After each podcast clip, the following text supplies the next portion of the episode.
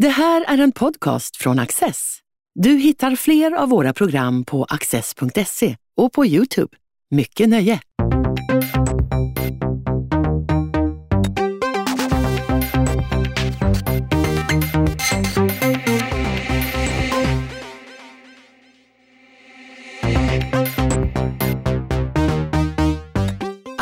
Gullhed är professor emeritus i litteraturvetenskap och Sveriges främste Dante-kännare. I hans senaste bok, Dante, den första författaren, stiftar vi bekantskap med en av Europas litterära storheter. Men vem var egentligen personen Dante? Han levde ett händelserikt liv och trots att han ständigt utgick från hemstaden Florens i sina verk var det en stad han under en stor del av sitt liv var förvisad från. Dante Alighieri har ju kallats den första författaren. Och vad betyder egentligen det? Eh, självklart har det funnits eh, många eh, före Dante, ända bak till antiken och dessförinnan eh, i västerlandet och på andra håll som eh, plitar ner saker och ting och eh, vill se till att få ut dem och därför skulle kunna kalla sig författare. Men jag använder det begreppet alltså i en modern bemärkelse där en författare har eh, kontroll över sin text, i, den mening, alltså i någon mening att författaren äger sin text, det vill säga eh, kan kontrollera hur den ser ut, hur den sprids och eh, ibland faktiskt också hur den eh, tas emot av läsarna. Och det innebär saker och ting som då i modern lagstiftning kallas för copyright och författares rättigheter och sådär. Och de första spåren till den här moderna utvecklingen, det kan vi se hos Dante. Man skulle kunna kalla Dante för ett avancerat medeltida kontrollfreak. Mm. Alltså han ville verkligen ha kontroll över sin text och han hade en sorts ångest.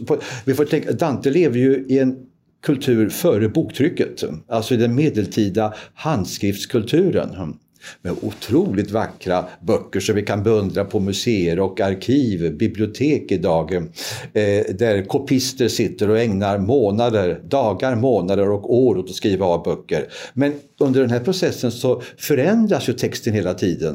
Det finns en fransk litteraturvetare som talar om medeltidens rörliga texter. Och för den här rörligheten hade Dante en konstant ångest. Hans bokstäver måste vara fasta, stå kvar och se ut precis som han själv ville det. Och det är i den meningen som jag använder det begreppet Dante, den första författaren. Om, om vi tar lite grann, eh, går tillbaka Dantes liv. Alltså det, det, det, det här är ju, eh, ja, det är ju 700-800 år sedan allt det här äger rum. Dantes liv och hans eh, skrivandet av den gudomliga komedin som ju har gjort honom till en, ja, en av de fasta ikonerna i västerländsk litteratur. Vad, vad var det för värld Dante växte upp i och levde i? Det var en eh, orolig värld och samtidigt en väldigt dynamisk värld. Eh, och någonting av de bägge begreppen. Eh, det här var en tid då eh, Italien fanns ju inte som land, ett enat land vid den här tiden utan du har de här italienska städerna Venedig, Ferrara, Milano, Florens, Neapel och så vidare. Va? Och som fortfarande sätter sin prägel i rätt hög grad på italiensk politik för att inte prata om italiensk eh, fotboll. Eh, och eh, alltså spänningarna mellan regioner och så, också mellan nord och syd i Italien. och Dante, det här innebär alltså att också inom de här städerna så uppkom det väldiga spänningar mellan grupper och grupperingar. Samtidigt så var det här ur, ska vi säga, ekonomisk Eh, i ett ekonomiskt perspektiv en eh, period av eh, oerhörd expansion.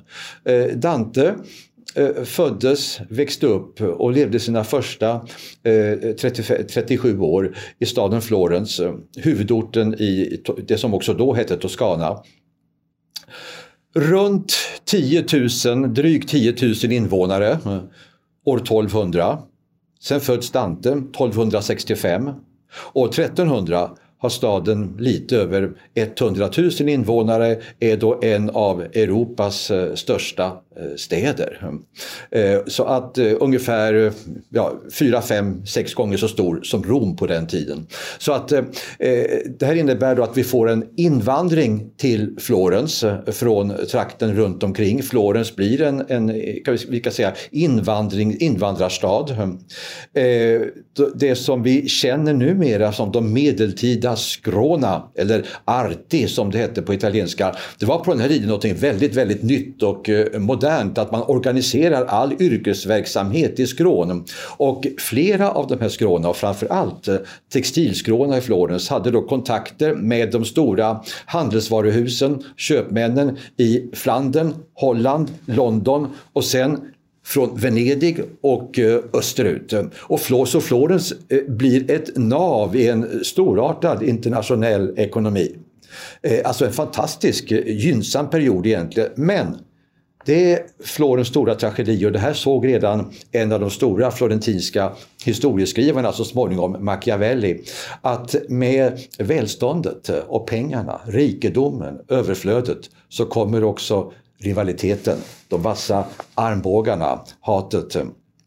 Om du hade närmat dig staden Florens på den här tiden utifrån, vad hade du sett? Jo, en krenelerad ringmur och sen där innanför torn som höjer. Alltså, Florens var en tornstad, fullt med torn.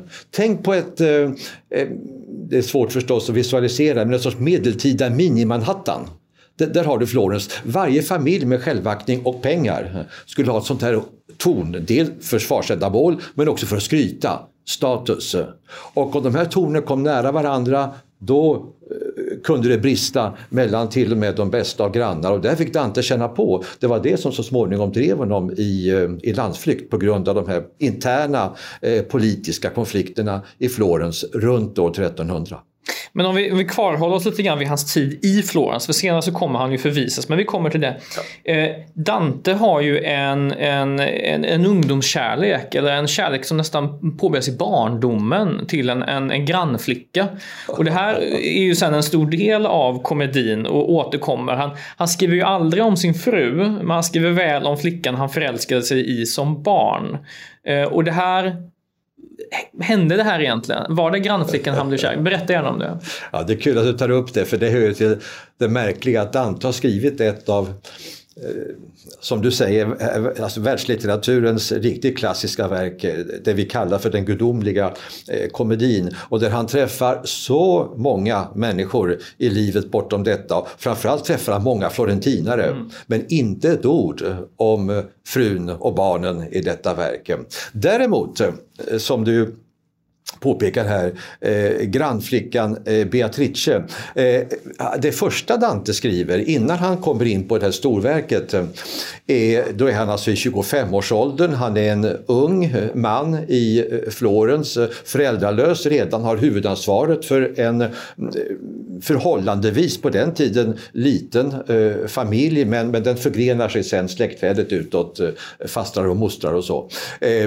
vi skulle rent socialt kunna kalla det här för en sorts florentinsk medelklass eller lägre medelklass. Han hörde inte alls till de här riktigt rika storfamiljerna eller magnatfamiljerna. Men, och bor mitt i staden. Mm.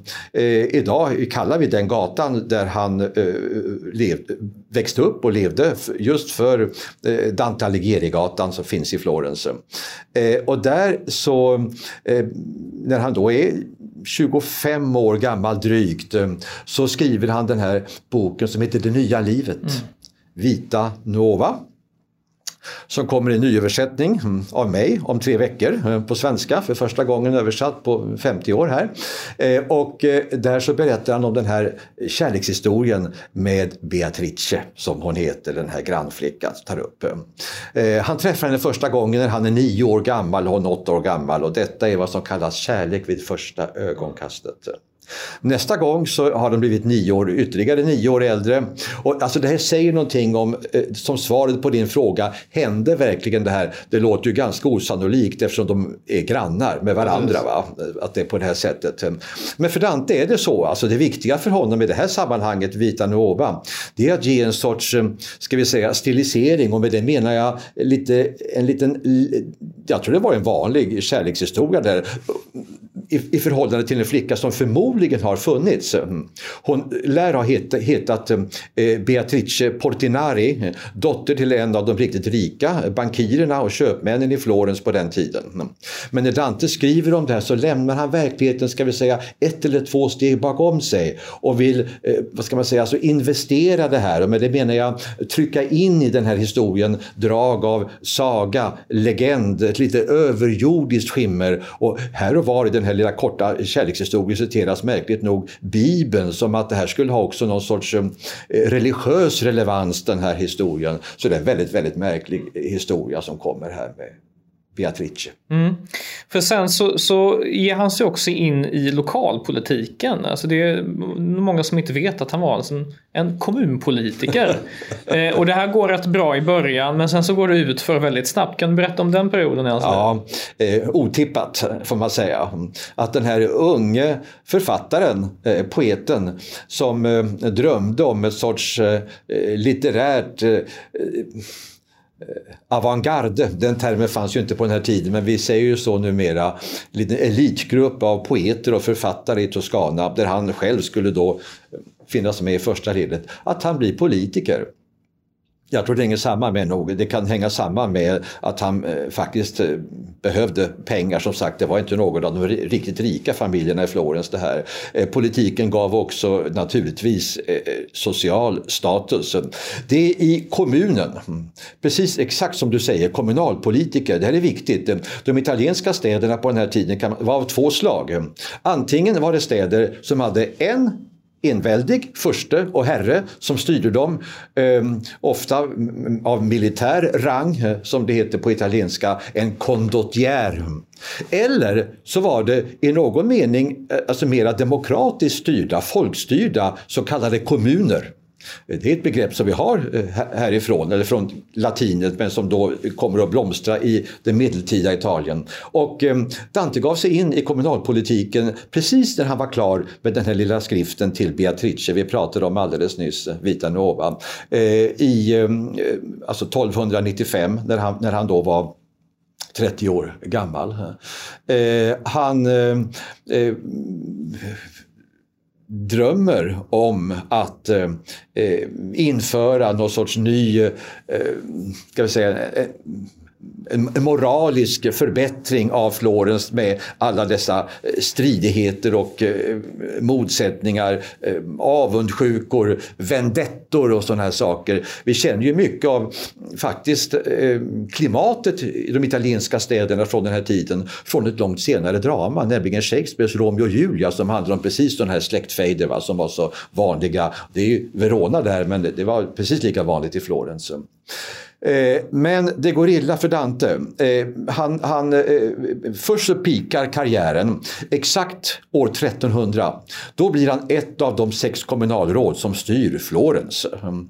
Och det var en, en kort tid man innehade, alltså, eftersom man hade sådana erfarenheter av de vassa armbågarna, hatet, blodet på gatorna. Det, det, var ingen lätt tid att leva i det här. Eh, så eh, ville man begränsa maktbefogenheter i Florens hela tiden så ett sånt där kommunalråd, eller prior som det hette på den tiden, satt bara två månader och sen så bytte man ut. Så det, det fanns sex omgångar varje år och Dante satt som prior i Florens sommaren eh, 1300. Eh, men då för att göra den här långa historien ganska kort. I just det här läget så räcker det inte eh, för den här stackars staden med de inrikespolitiska konflikterna utan för det här vi pratade om nyss, den här väldiga rikedomen, alltså alla pengar som ackumulerades, de stora handelshusen, handeln.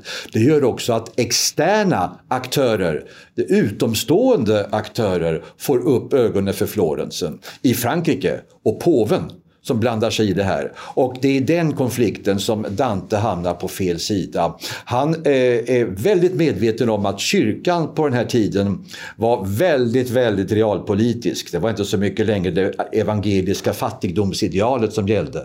Påvarna ville ha in pengar och gott om pengar till Vatikanen i Rom. Dante motsatte sig det här och hamnade i konflikt med påven. Och till sist så blev det så att eh, det är det, det påvevänliga partiet som med fransk hjälp avgår med segern i Florens. Detta sker exakt hösten eh, 1301 när Dante är på diplomatiskt uppdrag hos just påven för att försöka tala honom till rätta. Han talade för fullkomligt döva öron inför Bonifatius den åttonde. Och eh, konsekvenserna blir omedelbara. I sin frånvaro så döms Dante efter bara två månader mm, till dryga böter för att ha förskingrat stadens pengar under sin korta tid som kommunalfullmäktige eller prior eh, och för, för nepotism, alltså ett fint ord för svågerpolitik. Mm, eh, och eh,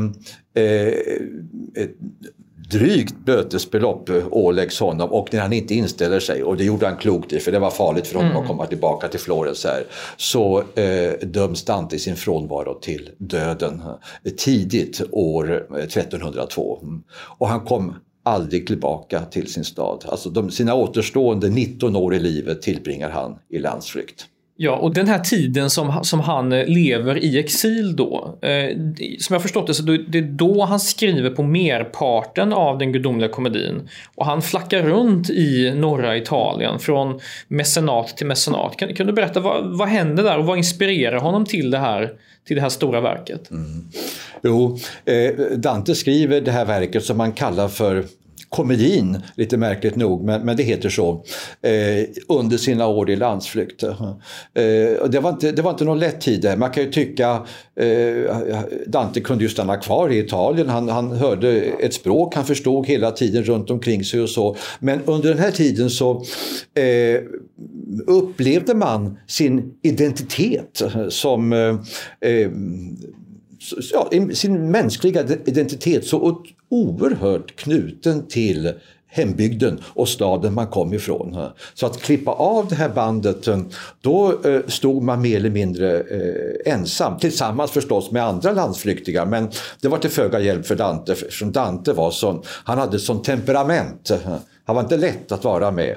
Om, om, om du skulle få en sån här populärfråga vem du vill tillbringa en tid på en öde ö med så inte väljer man Dante för det, det, det, var, det var ingen lätt äh, människa att umgås med. Och, och så, så, att han, han eh, fick, levde långa år rätt ensam under den här landsflykten där han då flackar runt eh, i Toscanas bergiga ytterområden. Eh, han lyckas få ibland tjänster som någon sorts sekreterare, kanslisekreterare kan vi säga hos förnäma borgherrar eh, som har då borgar och slott eh, i, i dessa bergstrakter i Toscana. Och så småningom så tvingas han också lämna sin hemprovins och söka sig längre norrut i Italien.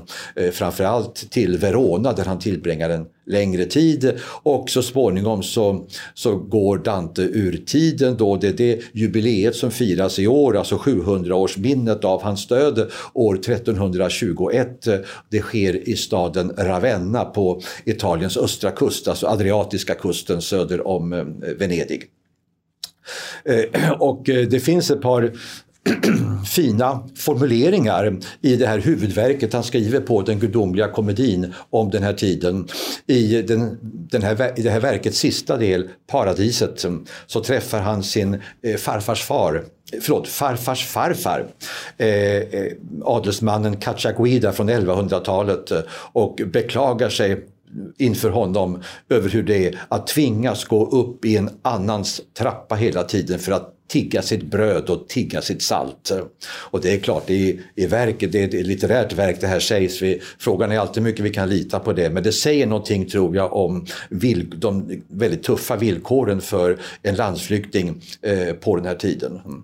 Samtidigt eh, så börjar det nu gå ett rykte om den här eh, florentinaren Dante Alighieri som då syns i olika italienska sammanhang och städer, eh, borgar och slott på den här tiden, att han är på gång med något stort stort.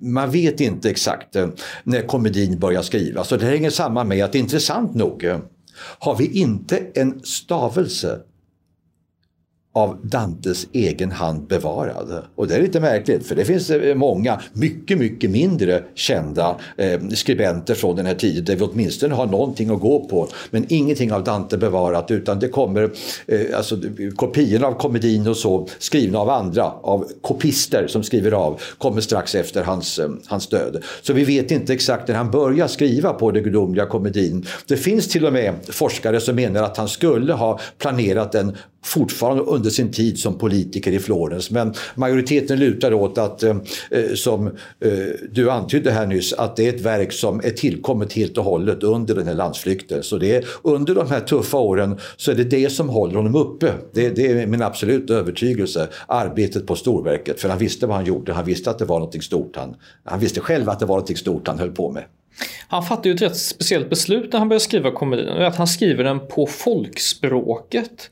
Ja. Och det här förstår jag gjorde honom rätt unik. För tidigare så skrev han mycket på latin och det var ju inte folkspråket utan det var ju kyrkans språk. Så vad får honom att skriva på ja, är det toskanska han skriver på eller någon, ja, någon dialekt? Ja, exakt. Eh, det, man kan ju säga italienska men det blir lite snett mm. eftersom det inte finns någon eh, riksitalienska på den här tiden utan de här eh, städerna vi, vi har talat om här de hade alla sina dialekter och det här är då toskanskan men den här toskanskan sen kommer ligga till grund för den moderna italienskan och det är till stor del författarnas förtjänst.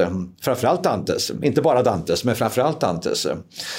Och och eh, jag skulle säga detsamma om, som svaret på din fråga här som om Dante, när du frågade om Dante och politiken.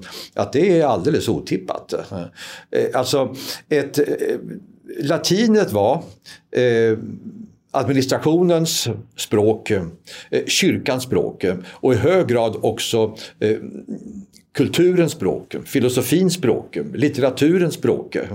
Och det kan ju tyckas märkvärdigt det här att latinet var så spritt men det är egentligen inte mycket märkvärdigare än att eh, väldigt många människor i Europa idag talar engelska. Alltså man har sitt eget språk och så har man ett till då för mm. bland annat också för internationellt eh, umgänge. Eh, så att regeln var för de stora anspråksfulla litterära verken på den här tiden latinet. Det var det alla förväntade sig. Det var det alla, det var det alla, det var det alla eh, förväntade sig av ett stort litterärt verk med anspråk. Och Dante hade ju verkligen anspråk. Och det finns flera anekdoter om det här, hur han eh, träffar då tidiga läsare av verket. Han, eh, under den här irrande landsflyktiga tillvaron stöter han på munkar och andra och får, eh, delar ut bitar av det här verket och, och så. Och den första reaktion han får är uppspärrade ögon. Va? Folkspråket? Toskanska? Menar du allvar? Mm, alltså, det, var, det var en sensation där. Jo, varför? Eh, det var viktigt för Dante att nå ut. Han ville läsas av långt vidare kretsar eh, än de som bara förstod latinet. Mm. Han ville långt utöver de akademiska kretsarna. Och det här hör till eh, det jag har velat understryka som allra mest kraftigt i den här boken. Alltså Dante var ingen akademiker. Många av de här författarna som skrev på latin, de har en akademisk anknytning och i Italien då så eh, är det ofta eh, att de är anknutna till eh, de något av de stora universiteten. Det mest berömda är det som ligger i, i Bologna. Eh, men det fanns också flera andra. Dock inget i Florens. Florens var ingen akademisk stad. Det är nästan, höll jag på att säga, en handling som, som ser ut som en tanke. Att det första universitetet i Florens, Studium Generale, eh, eh grundades 1321. Alltså exakt samma år som Dante dog, gick ur tiden. Va? Nej, alltså Dante ville nå ut till eh, Kreti och Pleti. Han ville nå ut till läsare också som eh, överhuvudtaget inte hade tillgång till böcker. Eh, Handskriftskulturen som Dante levde i gjorde att böcker, de här handskrivna böckerna, vackra snygga böcker med fler, flerfärgst, fler, flerfärgade, multimediala skulle vi kunna säga, dyra och framställda, kostade pengar. Mm. Eh, en stor del av, av, läsningen under den här tiden det blev därför högläsning. Eh, Dante har också flera passager om hur viktigt det var att kvinnor Eh, kunde läsa honom. Eh, eh, även om Florens hade en alfabetiserad kvinnlig ska säga, läsekrets under den här tiden så var de fortfarande minoritet. Men för Dante var det viktigt. Flera av de centrala personerna han träffar i den gudomliga komedin är kvinnor. Och det finns en anekdot om Dante som visar eh, någonting om hur man uppfattar honom på den här tiden och det är just kvinnor som spelar huvudrollen där. Det är hans eh, efterföljare i den italienska litteraturen eh, Giovanni Boccaccio, känd för Decameron eller Decamerone, eh, som, som eh, berättar den. Och det är då Dante precis under landsflykten här eh, går förbi på gatan i Verona med sin lite stränga eh, örnprofil sådär och lite mörk och barsk i uppsynen som man ofta ser henne på porträtten. Och så sitter det två kvinnor och pratar med varandra eh, ut mot gatan på verandan som kvinnor brukade göra på den tiden. Eh, och pratade om ditt och datt men så ser de den här figuren skrida förbi och den ena säger till den andra Hörru du vet vem det där är? Det är, det är Dante Alighieri. Du vet, eh, han som har varit pekar neråt mm. Eh, där nere. Jaha, ja, ja, men, men varför, varför? Han ser så barsk och dyster ut och, och mörk i uppsynen och så. Du vet ju att han blev bränd lågorna, elden, han är mm. svedd mm. där nere. Alltså, det, det, det, är en anekdot, det är bara en historia det här som Boccaccio återger. Men det säger någonting, eh, dels just att eh, det är alltså eh, kvinnor som har hört talas, åtminstone hört talas om Dante. Vi kan inte veta om de har läst honom eller inte, men chansen är ganska stor att de hade hört någonting. Eftersom komedin lästes högt på ett tidigt stadium. Och för det andra så var det vanligare än vi kanske tror att man tog komedin bokstavligt. Eh, inte så att man tänkte att det är en historia han har hittat på eller så, utan att det finns en sorts, verk, en sorts sanning, en verklighetsgrund bakom det här märkliga verket. Eh, Dante verkar vara rätt självmedveten, att han förstod nästan att han var rätt genialisk, att det var banbrytande han gjorde, men han, Dante under sin livstid vara med om spridningen av komedin och det intryck den gjorde på så många människor. Mm. Eller kommer det mesta efter, efter hans död? Det mesta kommer, tyvärr får man kanske säga, eh, efter hans död mm. strax. Alltså han, han med att eh, i små portioner eh, sprida delar av verket. Och det här, den gudomliga komedin består av tre delar. Helvetet, skärselden och paradiset. Och den sista delen, paradiset, den tillägnar han en av sina gynnare i landsflykten. Alltså en av dem som tog emot honom. Mecenaterna. Ja, mm. Cangrande i i, eh, i Verona. Och eh, där finns det ett stort dokument. Dantes, Dante skrev, vi, vi känner eh, 13 brev, bevarade brev av Dante, inte av Dantes hand, men som då man tillskriver Dante. Eh, och eh, eh det absolut längsta av dem, det är ett följebrev eh, till paradiset, där, enligt vilket Dante tillägnar komedins sista del, Paradiset, till försten av Verona. Så det säger någonting om alltså att det finns en viss distribution av verket redan under Dantes livstid. Men förmodligen var inte ens Paradiset klart när, när det här brevet skrevs. Så det mesta kommer efter hans död. Och eh, då är det ju så att Dante var en kontroversiell figur. Det var inte så att man utan vidare köpte den här historien om att eh, en figur från Florens skulle ha fått resa ner till helvetet eh, och färdas upp genom de nio himlarna ända upp till Gud faders tron i, i allra högst upp. Mm. Utan han fick omedelbart starka fiender, kritiker. Framförallt inom, alltså påven hade ganska nyligen instiftat två stycken ordnar för att hålla viss koll på kyrkan, eh, kallade franciskaner och dominikaner. Mm. Franciskanerna kallade fattigmunkarna och sen har vi de intellektuella dominikanerna och dominikanerna satte sig på tvären på en gång. De såg till att få en annan av Dantes skrifter, Monarchia, Eh, bränd på bål på gatan i Bologna och eh, det kom redan under några år efter Dantes död varningsskrifter också för den gudomliga komedin från, från dominikanskt håll. Och då kände sig först och främst författarens egna söner, Pietro och Jacopo, eh, kallade att rycka ut till pappas eh, försvar. Så de börjar skriva kommentarer till komedin.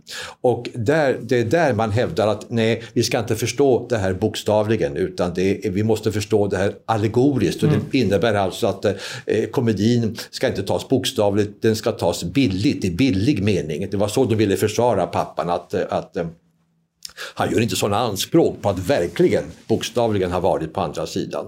Men det här innebär också att komedin blir ett otroligt omdiskuterat verk. Berömt och känt och den här kommentarverksamheten den bara växer och växer. Så vi får 10-15 stycken sen under 1300-talet och så fortsätter det sen under humanismens 1400-tal, renässansens 1500-tal och har väl i princip fortsatt ända eh, sen dess. Men den processen fick alltså inte Dante uppleva själv själv under sitt jordeliv. Anders Gullhed, tack så mycket.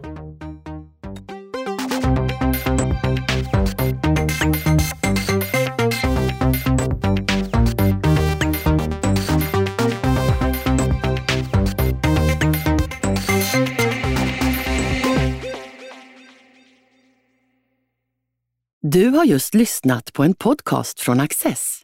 Du vet väl att vi också är en tv-kanal och tidning?